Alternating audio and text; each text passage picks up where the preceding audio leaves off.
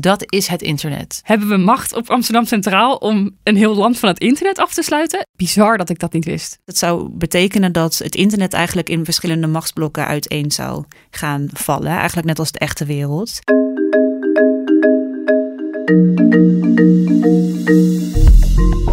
Welkom bij een nieuwe aflevering van Speurwerk. Vandaag is een speciale aflevering, want Speurwerk bestaat namelijk vijf jaar. Het is je waarschijnlijk al opgevallen, maar daarom is er vanaf deze aflevering niet alleen een nieuw logo, maar hoor je ook een nieuwe intro-tune. We willen alle luisteraars bedanken voor het luisteren. En we gaan natuurlijk verder met het maken van afleveringen over de onderzoeksjournalistiek van Investico. Deze keer over een onderzoek dat ik zelf heb gedaan. Je gebruikt het elke dag, de hele dag, maar denkt er waarschijnlijk nooit over na. Het internet. Hoe is dat eigenlijk geregeld? En hoe werkt het? Tijdens dit onderzoek duikt Michelle samen met Linda van der Pol en Romy van den Burg diep in het wereldwijde web. En dit onderzoek begint op een plek die het mogelijk maakt dat we elke dag online kunnen zijn. Een plek waar je hoogstwaarschijnlijk wel eens een keer bent geweest.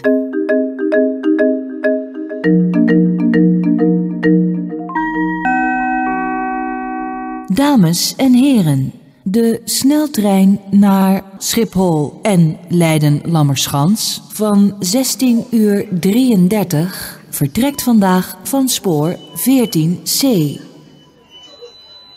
Herhaling, de sneltrein naar Amsterdam Centraal. Als je met je neus naar Amsterdam Centraal staat, dan heb je rechts heb je een hele oude rode deur.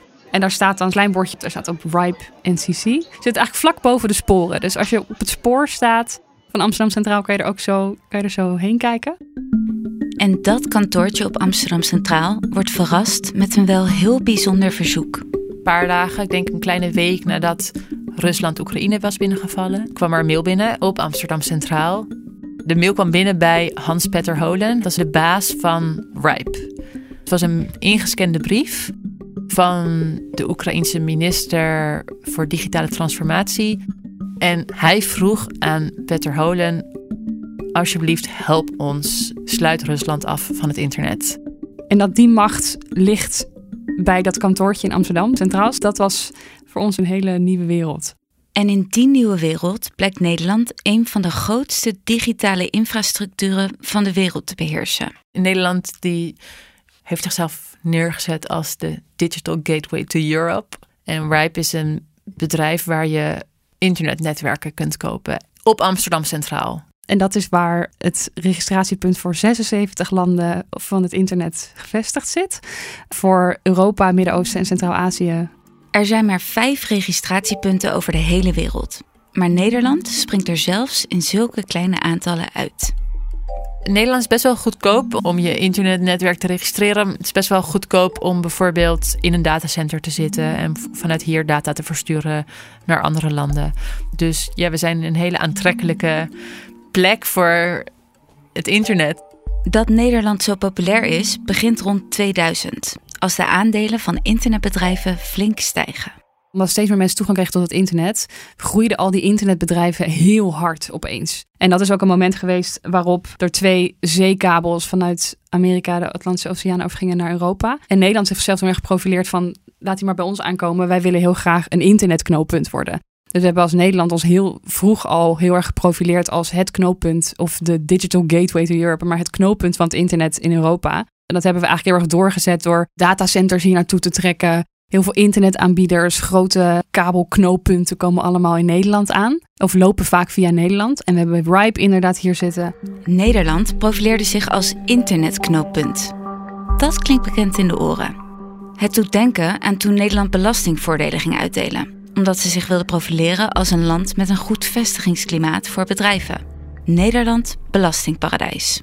Dat Nederland belastingparadijs en dat, dat narratief van dat economisch verkeer aantrekken. Er komen veel banen. Maar uiteindelijk hebben we niet echt nagedacht over wat voor verantwoordelijkheid je daar ook mee hebt. En wat dat voor implicaties heeft. En wat voor bedrijven je dan hier naartoe haalt. hebben we eigenlijk met internet precies hetzelfde gedaan. Want wat voor bedrijven via ons land allemaal hun internetverbindingen leggen. En wie daar allemaal van profiteert. Daarvan zeggen we dan heel makkelijk weer van: ja, maar dat is niet onze verantwoordelijkheid. We zijn alleen een doorvoerland. Dat blijkt ook op het moment dat dat bijzondere verzoek binnenkomt op Amsterdam Centraal. Rusland afsluiten van het internet. Ripe zou daarbij kunnen helpen. Maar het antwoord daarop is een keiharde nee. We zijn heel belangrijk op het internet als land. En we hebben dat naar ons toe getrokken. En op het moment dat het dan moeilijk is, dan willen we daar eigenlijk heel ver van wegblijven. Maar hoe Nederland politiek met dit soort onderwerpen omgaat, is niet de enige reden dat we weinig verantwoordelijkheid nemen wat betreft het internet. Dat komt ook door iets anders. Het internet is opgericht en wordt nog steeds eigenlijk beheerd door allemaal mensen die er vanuit een hele ideologische blik naar kijken. Die vinden dat het internet voor iedereen altijd toegankelijk moet zijn. En dit soort politieke situaties moeten daar niet aan raken. We hebben het eigenlijk nooit over wie de macht heeft over wie waar verbindingen mag maken en hoe die lopen. En dat er een registratiepunt zat op Amsterdam Centraal was echt een moment voor mij waarvan ik dacht: hebben we macht op Amsterdam Centraal om een heel land van het internet af te sluiten. Maar dat vond ik zoiets geks om te bedenken dat we daar nooit over, over horen. We horen daar eigenlijk nooit wat over. Maar hoe kwam Romy dan bij dit onderzoek uit? Kan bij het onderwerp door een onderzoek wat we vorig jaar deden naar Nederlandse investeringen in de Iraanse techsector.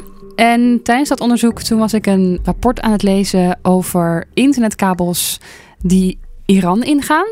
En in dat rapport gingen ze eigenlijk kijken hoe is het Iraanse internet nog aangesloten op het internationale internet. Er stonden allemaal bedrijven bij die dan die kabels bezitten. Er stond een Nederlandse BV bij. En toen gingen kijken in Nederland, wat is dat dan voor bedrijf die een internetkabel heeft in Iran? En dat was een datacenter in Nederland. Toen vroegen ze zich af.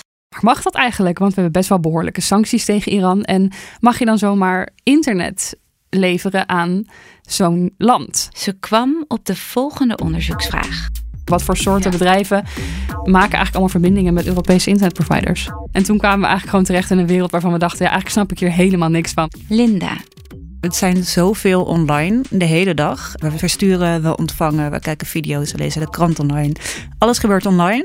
Maar de wereld daarachter, hoe dat dan precies bij ons komt en hoe onze data weer ergens anders naartoe gaat, dat was voor mij iets heel erg abstract. Sowieso vond ik het wel interessant, omdat ik gewoon echt geen idee had van deze hele internetwereld. Dus er kwamen ook allemaal vragen in mijn hoofd waarvan ik dacht, huh, hoezo heb ik deze nog nooit gesteld? Ik weet niet hoe het internet is opgebouwd, ik weet niet hoe het werkt, ik weet niet wat de verschillen tussen kabels of dat het via de zendmasten gaat. Of ja, ik had, echt, ik had eigenlijk echt geen flauw idee.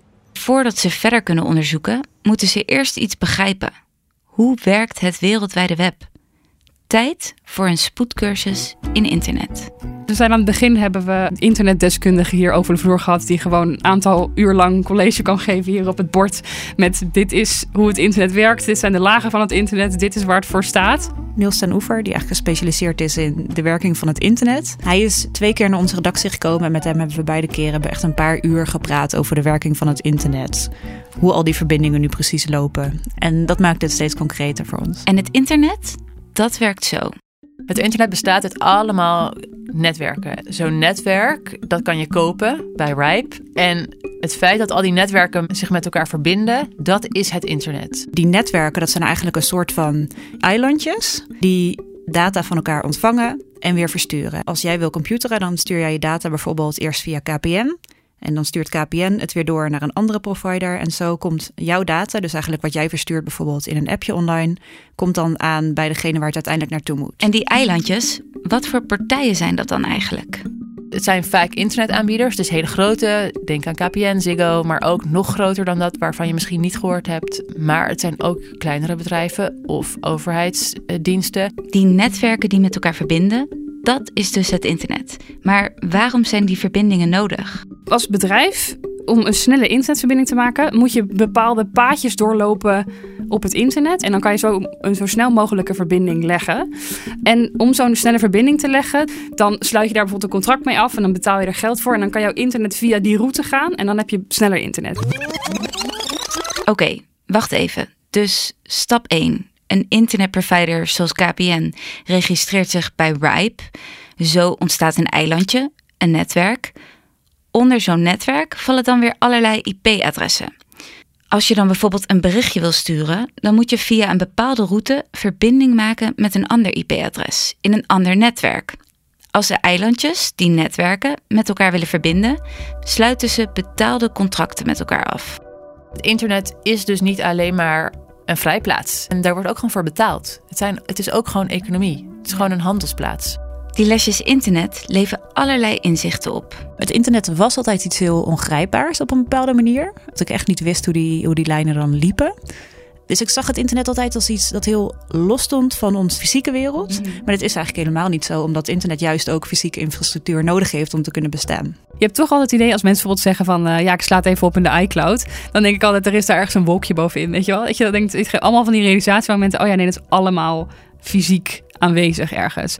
En dus ook gewoon al die zeekabels en al die internetkabels over land. Hoeveel dat er zijn, dat is echt, dat ligt helemaal vol. De onderzoeksvraag is duidelijk. Hoe het internet werkt is duidelijk. Maar hoe komen Romy, Linda en Michelle erachter welke partijen verbinding maken met Nederlandse internetaanbieders?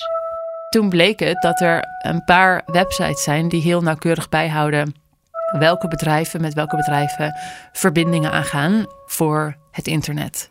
Dat heet BGP Tools. Daarin worden live alle internetverbindingen die lopen over heel de wereld. Dus welke kabels er in welke datacenters bijvoorbeeld zitten en welke connecties er tussen welke bedrijven gemaakt worden. Dus je kan bijvoorbeeld zien dat KPN een verbinding wil maken met een ander bedrijf om zo hun internet snel te laten verlopen. En dan iedere stap kan je live monitoren.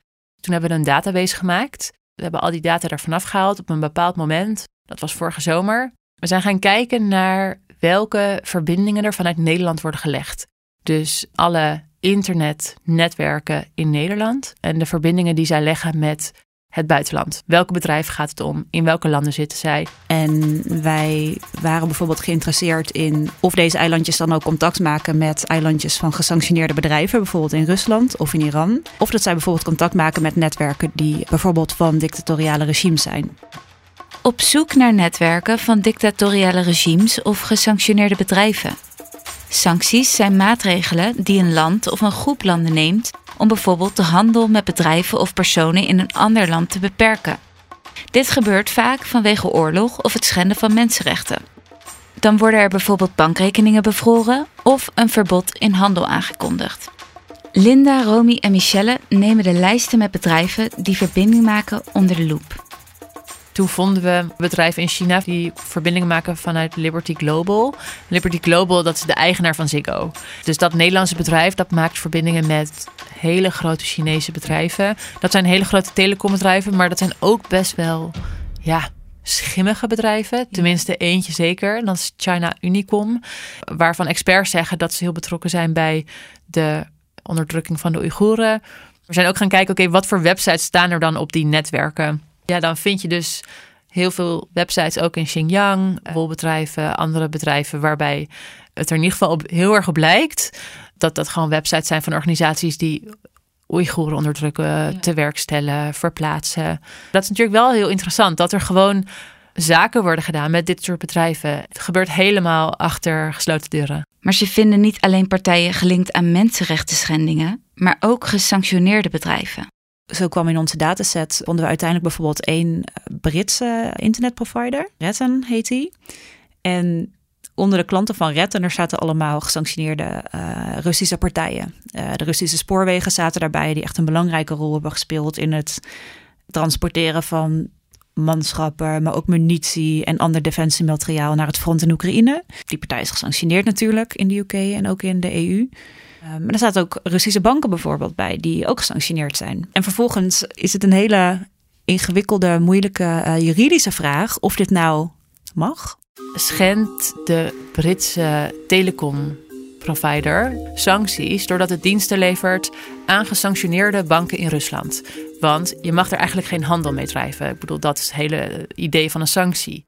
In het begin dachten wij, wow, deze bedrijven schenden misschien wel echt sancties. En we dachten dat is best wel een simpele vraag, maar dat bleek eigenlijk heel ingewikkeld. We zijn met advocaten gaan bellen, met experts, om een idee te krijgen of dat dus klopt. Nou, dat was echt heel ingewikkeld. Wat wij eigenlijk wilden van die sanctieadvocaat, is het een sanctieschending? Hele simpele vraag. Dit gebeurt er. Dit mag volgens ons niet. Klopt dat? Toen kwamen dus allemaal advocaten die zeiden: ja, we weten het eigenlijk niet, want we hebben de telecom-uitzonderingen. We hebben een Europese sanctiepakket, die zijn we net anders dan daar. En dan maakt die verbinding met een ander Europees land. En dan was het zo ambigu dat niemand kon duiden voor ons wanneer nou de sanctie geschonden werd. En dat was denk ik ook al het eerste moment dat wij dachten... oh ja, we hebben helemaal niet nagedacht over hoe we met ons internet omgaan. Als we eigenlijk alle experts al niet weten hoe, hoe die sancties toepasbaar zijn op het internet. De journalisten besluiten zelf aan de betrokken bedrijven te vragen of ze sancties schenden. Het antwoord? We doen geen zakelijke transacties met gesanctioneerde partijen. Hoe kan dat dan? Bijvoorbeeld de Britse provider Retten, die dus die verschillende gesanctioneerde Russische klanten heeft, die zegt in de wederhoor dat Retten Limited geen betalingen ontvangt van deze Russische partijen. Ja, dan kunnen er natuurlijk verschillende dingen aan de hand zijn. Of die Russische gesanctioneerde partijen die betalen niet aan het bedrijf, ook al sturen ze hun datapakketjes via die plek en is dit eigenlijk het verdienmodel van het Britse bedrijf. Of wellicht loopt de betaling ook wel anders. Dit Britse bedrijf heeft bijvoorbeeld ook een BV in Rusland zelf. Loopt die betaling bijvoorbeeld via de Russische entiteit? En nu speculeer ik, ik weet het natuurlijk niet. Het is dus onduidelijk of verbindingen tussen netwerken onder de sancties vallen. Maar hoe zit dat dan met de stap daarvoor? Kunnen gesanctioneerde partijen wel gewoon een netwerk registreren bij RIPE? Toen Rusland Oekraïne binnenviel, toen werden natuurlijk allemaal sancties ingesteld vanuit Europa. En toen rees urgenter de vraag van oké, hoe gaan we daarmee om op het internet? En bleek hoe belangrijk Nederland is. Want de Europese Commissie, die besloot zelfs niet hoe we zouden omgaan met die sancties op het internet. Dat moest het Nederlandse ministerie van Buitenlandse Zaken doen, omdat RIPE hier gevestigd zit. En daarin zagen we ook dat de Europese Commissie mailt naar het ministerie. Hoe gaan jullie om met de activiteiten van RIPE? Is dat legaal? Is dat illegaal? Valt het onder sancties of is daar een uitzondering voor? Omdat RIPE lidmaatschap afsluit met de partijen die zich registreren. Uh, was het eigenlijk zo dat alle Russische IP-adressen van uh, gesanctioneerde entiteiten bevroren moesten worden. Want het betrof een economische transactie. En daar wordt voor betaald. Op het moment voor betaald wordt, moet je houden aan de sancties. Het ministerie van Buitenlandse Zaken wist dat RIPE eigenlijk viel onder de sancties. Want daar was al een keer een analyse over gemaakt, al ver voor de oorlog. Maar je ziet in die mails dat Buitenlandse Zaken eigenlijk aan het uitstellen is. En dan duurt het ruim een jaar voordat ze eigenlijk bij de Europese Commissie terugkomen met hun analyse erover. Oké, er was dus wel één ding duidelijk in internetland. Een registratie verlenen aan een partij via bijvoorbeeld RIPE valt wel onder de sancties. RIPE probeert daar onmiddellijk onderuit te komen. En toen zijn ze in die periode in gesprek gegaan met Buitenlandse Zaken met de vraag van ja, wij willen eigenlijk een uitzondering hiervoor. Die moeten we nu hebben, want wij zitten nu met heel veel partijen die eigenlijk, waar we eigenlijk geen diensten meer aan mogen leveren. In de interne e-mails die we, waar we toegang toe hebben gekregen, zien we terug dat Buitenlandse Zaken eigenlijk best wel snel aan de kant van RIPE staat en zegt dat dat ook hun uitgangspunt is. Een jaar lang houdt het ministerie de boot af. De Europese Commissie blijft vragen: hebben jullie al meer duidelijkheid? Weten jullie al of het legaal is of niet? En dan uiteindelijk besluit het ministerie dus: nee, er is een uitzondering voor de activiteit van RIPE. Zij hoeven niet te voldoen aan sancties. Dus zij kunnen gewoon diensten leveren aan gesanctioneerde partijen. Een uitzondering voor gesanctioneerde partijen in Rusland. Maar hoe zit het dan met andere sancties? Die uitzondering geldt alleen maar voor Rusland, voor de sancties tegen Rusland. Dus ze hebben eigenlijk nog steeds hetzelfde probleem voor Iraanse partijen, voor Syrische partijen. Ze mogen geen betaalde diensten leveren. Om die sancties probeert RIPE ook heen te werken met bijvoorbeeld een partij in Iran zeggen: ja, je mag wel toegang tot ons internet, want ons ideaal is iedereen toegang tot het internet. Maar we kunnen geen betalingen uit Iran toestaan, want de banken staan dat niet toe. Dus moeten we eigenlijk om jullie lidmaatschap of jullie inschrijving in ons register in Nederland te kunnen volbrengen, want er moet voor betaald worden uiteindelijk, gaan we een omweg zoeken. Ze zijn nu bijvoorbeeld aan het kijken of ze daar dan via een bankrekening in Dubai uiteindelijk betalingen kunnen ontvangen van deze partijen. En tot die tijd zeggen ze: ja, maar we, ons ideaalbeeld is wij verschaffen jullie internet. En dat betekent dus dat in de praktijk zij nu dus niet echt betalen voor dat lidmaatschap, omdat de transactie gewoon nog niet volbracht kan worden. Een bankrekening in Dubai openen om sancties te omzeilen. Dat gaat ver, maar toch is het ook te verantwoorden. Als je sancties gaat handhaven op het internet, dan kan dat best wel verstrekkende gevolgen hebben. En dat is ook het verweer wat er door veel uh, eh, NGO's wordt genoemd. Stel je zou Rusland van het internet afgooien of stel je zou verbindingen stoppen met Russische bedrijven, dan kan dat potentieel ook gevolgen hebben voor gewone burgers. Voor bijvoorbeeld een ziekenhuis dat afhankelijk is van een bepaald internetnetwerk. Dat wil je natuurlijk niet. Maar. Je faciliteert ook autoritaire regimes op deze manier. Je faciliteert ook gesanctioneerde bedrijven. Je hebt gezegd, je wilt daar geen handel mee drijven, want zij zijn Oekraïne binnengevallen. Maar vervolgens kun je dus wel internetdiensten aan ze blijven leveren en betalen zij daarvoor. hoezo gebeurt dit dan toch? De angst vanuit dit soort organisaties zoals RIPE NCC is ook dat wanneer wij vanuit het Westen nu dat internet verder gaan inperken, dus als wij, omdat de oorlog goed in Oekraïne, restricties gaan leggen op het internetgebruik van Rusland verder, dat Rusland dan als een soort tegenreactie zegt: oké, nou ja, dan niet. En dat zij zichzelf dan helemaal afsluiten van het internet. Dat noemen we het splinternet. En dat is iets dat zou betekenen dat het internet eigenlijk in verschillende machtsblokken uiteen zou gaan vallen. Eigenlijk net als de echte wereld. Waarbij eigenlijk verschillende internets naast elkaar zouden gaan bestaan. Waarbij landen dus echt de controle hebben over het internet. En je ziet het al een klein beetje in Iran. Dat ze echt proberen om hun eigen internet te bouwen. Dan is het wel echt moeilijker voor burgers om informatie van buitenaf te krijgen. En ik denk dat dat een van de belangrijkste redenen is waarom de groep die het internet weg wil houden van sancties zo fel is hierop. Of die angst echt gegrond is, is niet helemaal duidelijk gaat dat echt gebeuren? Want er wordt wel mee gedreigd. Maar uiteindelijk zie je zelfs met een land als Iran dat ze nog steeds connecties maken met het internationale internet. Ook omdat het gewoon stabieler is. Deze club, en er zijn gewoon heel veel mensen die, die zo achter die ideologie staan. En ergens snap ik dat wel hoor. Er zijn echt goede redenen om het internet in ieder geval op een bepaalde manier wel zijn gang te laten gaan. Maar nu, doordat er dus zo unaniem over gedacht wordt, wordt er ook niet nagedacht over: oké, moeten we niet een visie ontwikkelen van als dit verder uit de hand loopt, wat gaan we dan doen? Als er meer oorlogen ontstaan of als er nog meer sancties gaan gelden. Ik bedoel, we moeten hierover na gaan denken. We kunnen dit niet meer voor ons uitschuiven. Juist ook omdat we ook geen publiek debat voeren over hoe het internet geregeld moet worden en wat voor restricties we daarop hebben. Je ziet ook niet zo heel vaak dat er kamervragen komen over hoe het eigenlijk zit met sancties en het internet. En dat er dan binnen zo'n hele kleine gemeenschap al die hele grote beslissingen gemaakt worden. Zo werkt het eigenlijk niet in een democratie waarin we met z'n allen over grote beslissingen moeten nadenken. Dit was Speurwerk, een aflevering over het onderzoek van Michelle Salomons, Romy van den Burg en Linda van der Pol. Investico analyseerde ruim duizend bedrijven, organisaties en overheidsinstanties die door een directe of indirecte verbinding met Nederlandse partijen het internet op kunnen. Sommige daarvan zijn direct gelinkt aan autoritaire regimes en partijen die op de internationale sanctielijsten staan. Denk aan Europese internetproviders die diensten leveren aan Russische bedrijven die de oorlog in Oekraïne faciliteren maar ook aan omstreden Chinese of Iraanse partijen. De grenzen van het internet zijn dun geschetst vanwege het ideaalbeeld dat het wereldwijde web een vrijplaats moet zijn voor iedereen. Internetorganisaties werken daarom om sancties heen door bijvoorbeeld het uitstellen van betalingen of het mogelijk openen van een bankrekening in Dubai.